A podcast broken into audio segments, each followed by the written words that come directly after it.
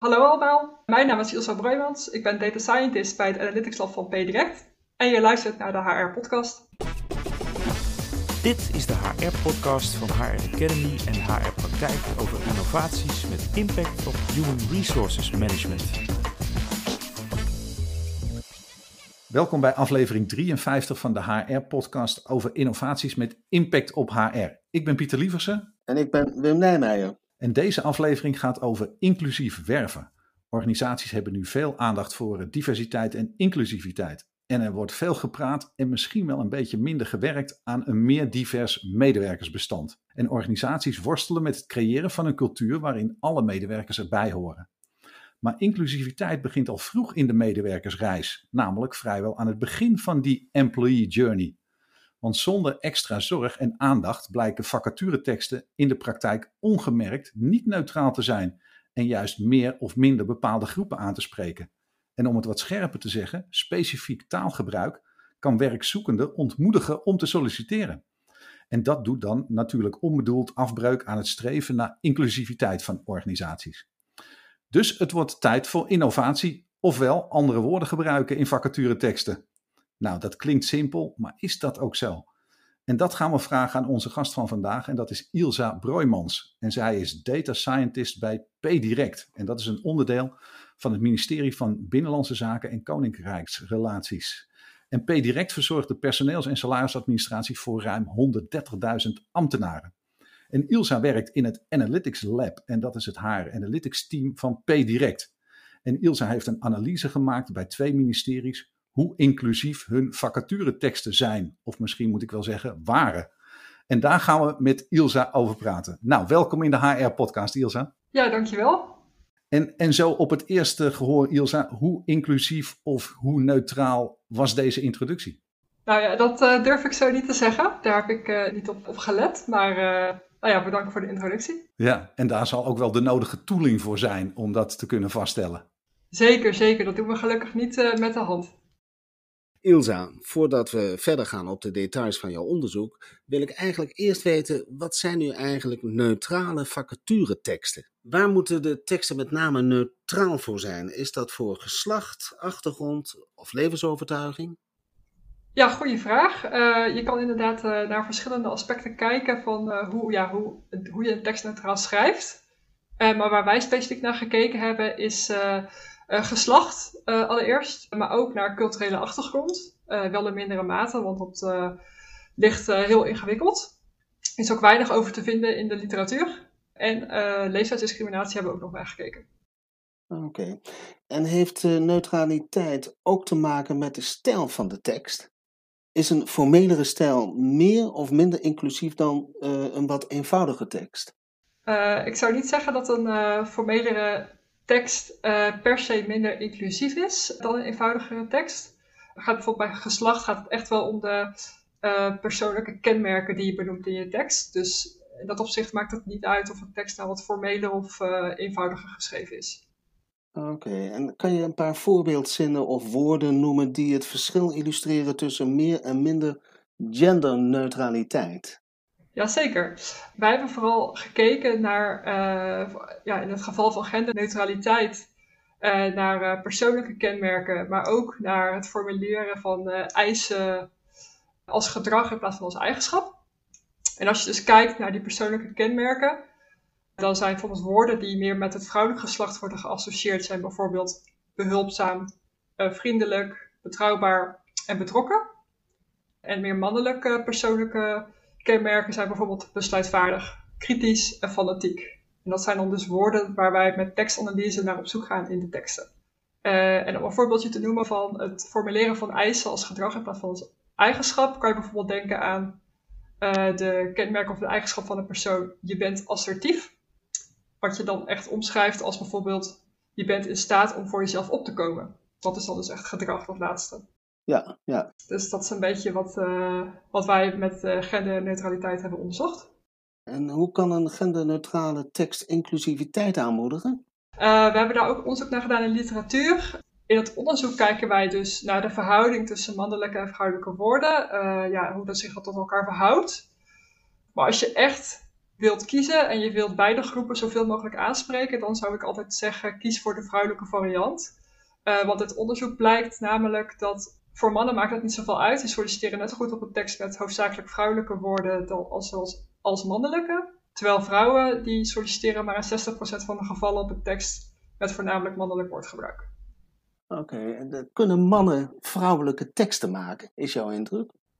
Ik denk dat dat echt wel kan. Het zijn gewoon een aantal ja, richtlijnen waar je je aan kan houden of uh, waar je rekening mee kunt houden. Ja, ik denk dat dat prima kan. En is alleen genderneutraal woordgebruik genoeg om inclusiviteit te bevorderen? Of moeten er juist ook tekstdelen over inclusiviteit in de vacaturetekst staan?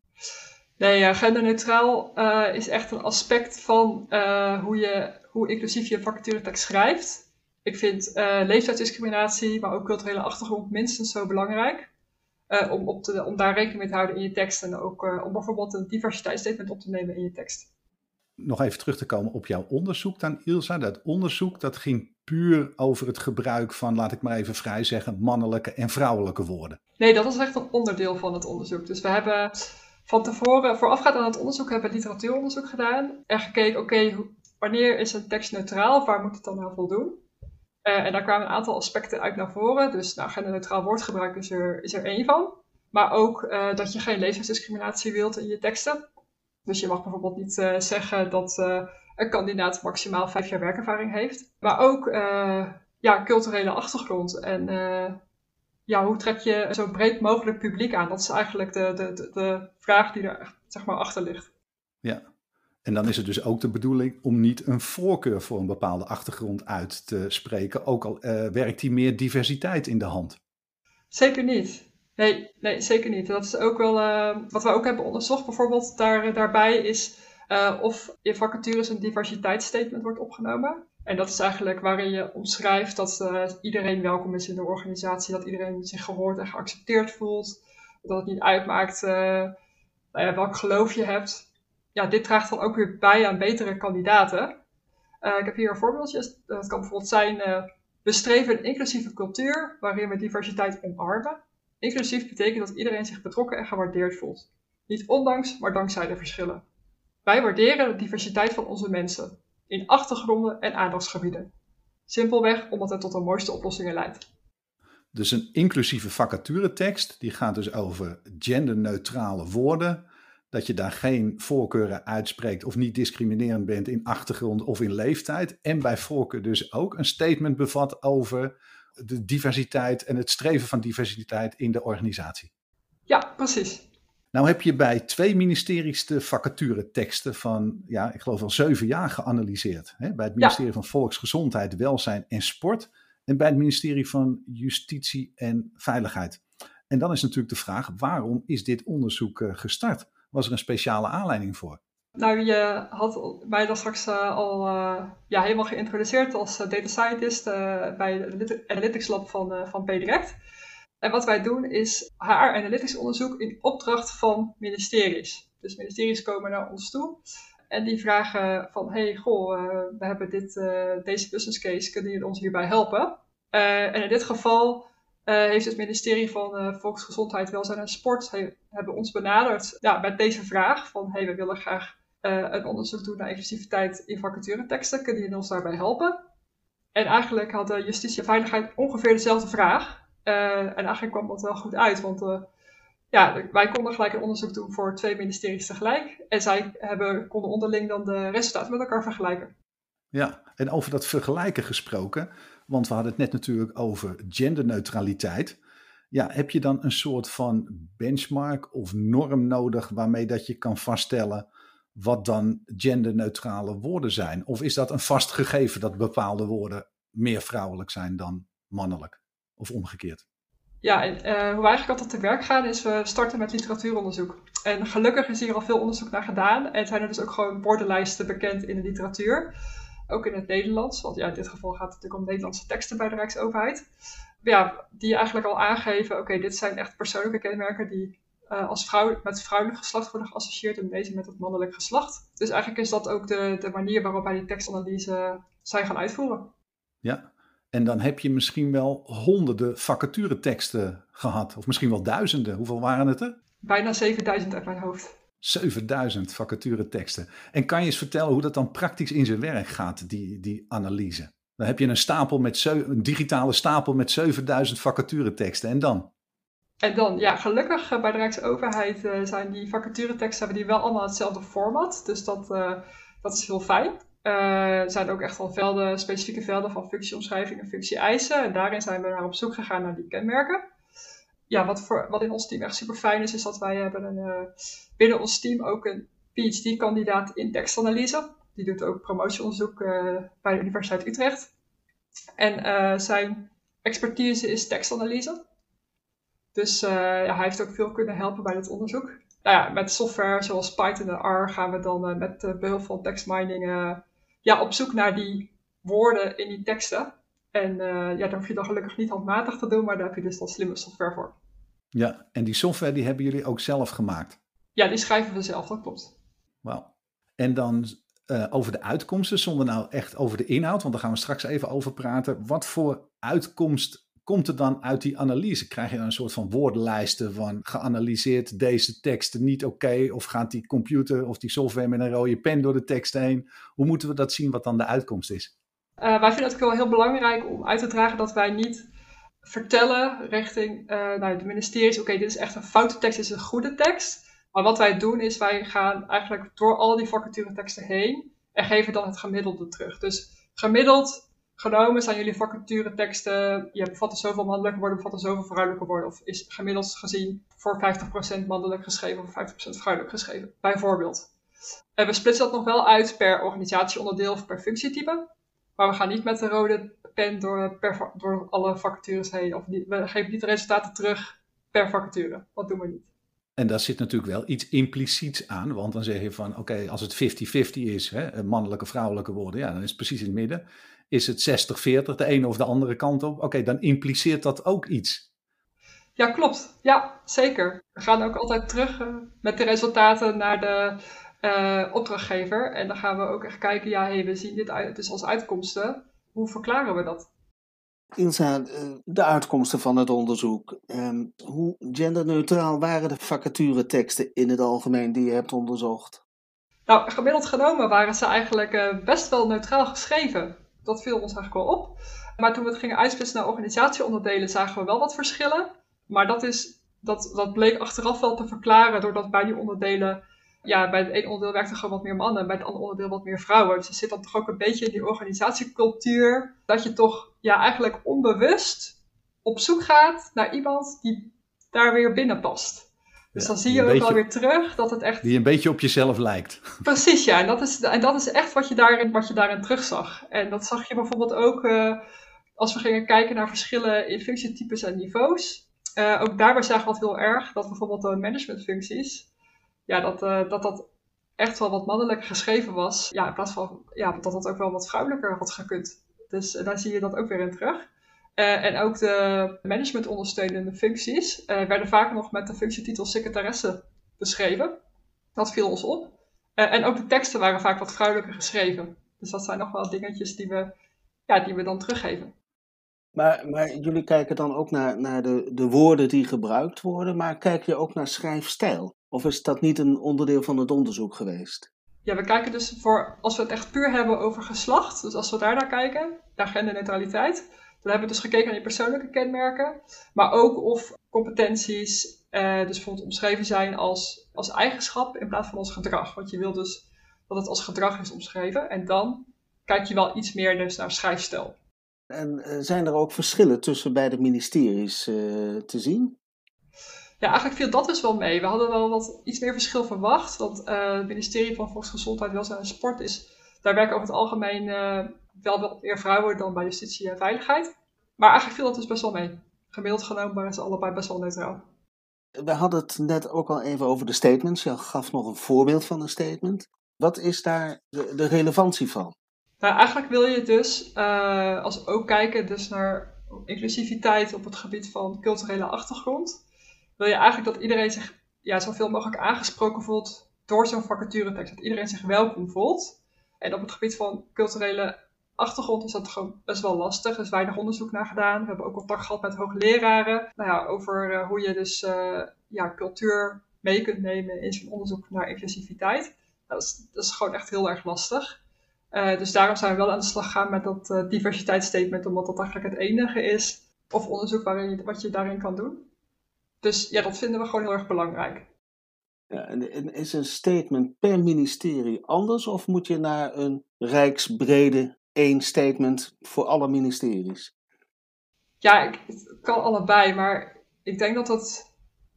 Ik denk eigenlijk dat het niet zo heel veel uitmaakt. Als je maar aantoont of als je maar laat zien dat iedereen zich uh, welkom voelt. Hm. En, en hoe genderneutraal zijn die statements eigenlijk geschreven? Hoe, hoe genderneutraal? Ja, daar hebben we niet specifiek uh, onderzoek naar gedaan, moet ik eerlijk bekennen. Okay.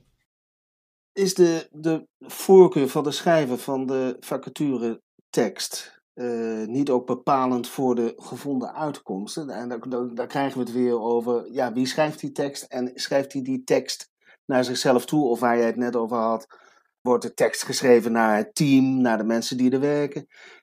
Wat, wat is daar nu uitgekomen? Ja, dat is wel grappig, want uh, als je ook kijkt in literatuur, dan zegt uh, Irwin Kendall ook dat 80 tot 90 procent van onze hersenen dat eigenlijk ja, onbewust werkt. Uh, wat dus ook betekent dat we vaak onbewust en onbedoeld de ideale kandidaat omschrijven. en dat kan je dus ook terugzien in vacatureteksten. Hoe gaat het schrijven van een vacaturetekst eigenlijk in zijn werk? Is dat een team die daaraan werkt of is dat één persoon? gaat zo'n tekst ook nog door verschillende handen heen? Ja, in de praktijk denk ik dat er verschillende varianten van zijn. In principe is het natuurlijk een recruiter die uh, vaak zo'n tekst schrijft. Maar het kan ook zijn dat uh, het team de tekst schrijft of de manager. Dus ja, dat durf ik niet te zeggen dat dat overal hetzelfde is. Nou, dan heb je dus die analyses gedaan en dan zeg je van, nou, over het algemeen waren ze best wel neutraal geschreven. maar op bedrijfsonderdeel, op functie, klasse, dan verschilde het nog wel eens. Hoe, hoe zijn die resultaten ontvangen door die ministeries? ja, uh, ze vonden het echt super interessant. Echt heel erg leuk om te zien. Ook wel verrassend. Ja, aan de andere kant ook wel weer, als we echt kijken op, op het gebied van genderneutraliteit, ook wel echt een eye-opener dat, ja, dat dus die managementfuncties dus nog echt best wel mannelijk geschreven zijn. dat ze zo van, oh, maar we willen toch juist meer vrouwen aan de top. Dan moeten we daar, misschien is dat dan wel het begin waar we wat mee moeten. Dus dat is dan wel, ja, wel leuk om te zien dat ze zich daar dan bewust van worden. En is dat dan ook de belangrijkste aanbeveling voor verbetering? Van ben je bewust van die mannelijke woorden en gebruik meer vrouwelijke woorden en dan is het opgelost? Moet je het zo zien of is het toch iets complexer? Nee, dat is, uh, het ligt wel iets complexer. Kijk, ons doel is dan eigenlijk altijd om ja, bewustwording te creëren. En natuurlijk hopen we dat uh, ze veranderingen doorvoeren. En, nou, in dit geval uh, is het wel echt, echt wel gelukt. als we dus kijken naar, naar een stuk genderneutraliteit, nou, die bewustwording is zeker wel gelukt en daar wordt ook nu wel meer rekening mee gehouden bij de ministeries. Maar ook als we kijken naar het opnemen van een statement op diversiteit, ja, je, je toont aan, de tekst bevat een statement, ja of nee. En we zagen bij het ministerie, het ene ministerie, dat er, er best wel vaak al een statement werd opgenomen. En bij het andere ministerie juist helemaal niet. Nou, daar zijn ze wel gelijk mee aan de slag gegaan. Dus dat is ook wel heel erg leuk om te zien. En dat lijkt me dan een relatief uh, tussen aanhalingstekens eenvoudige aanpassing. Want hij moet er wel of niet in staan. Maar echt het, het schrijven van teksten en het ook bewust gebruiken van bepaalde woorden. Of juist bepaalde woorden niet. Dat heeft natuurlijk een langere aanloop nodig om doorgewerkt te worden.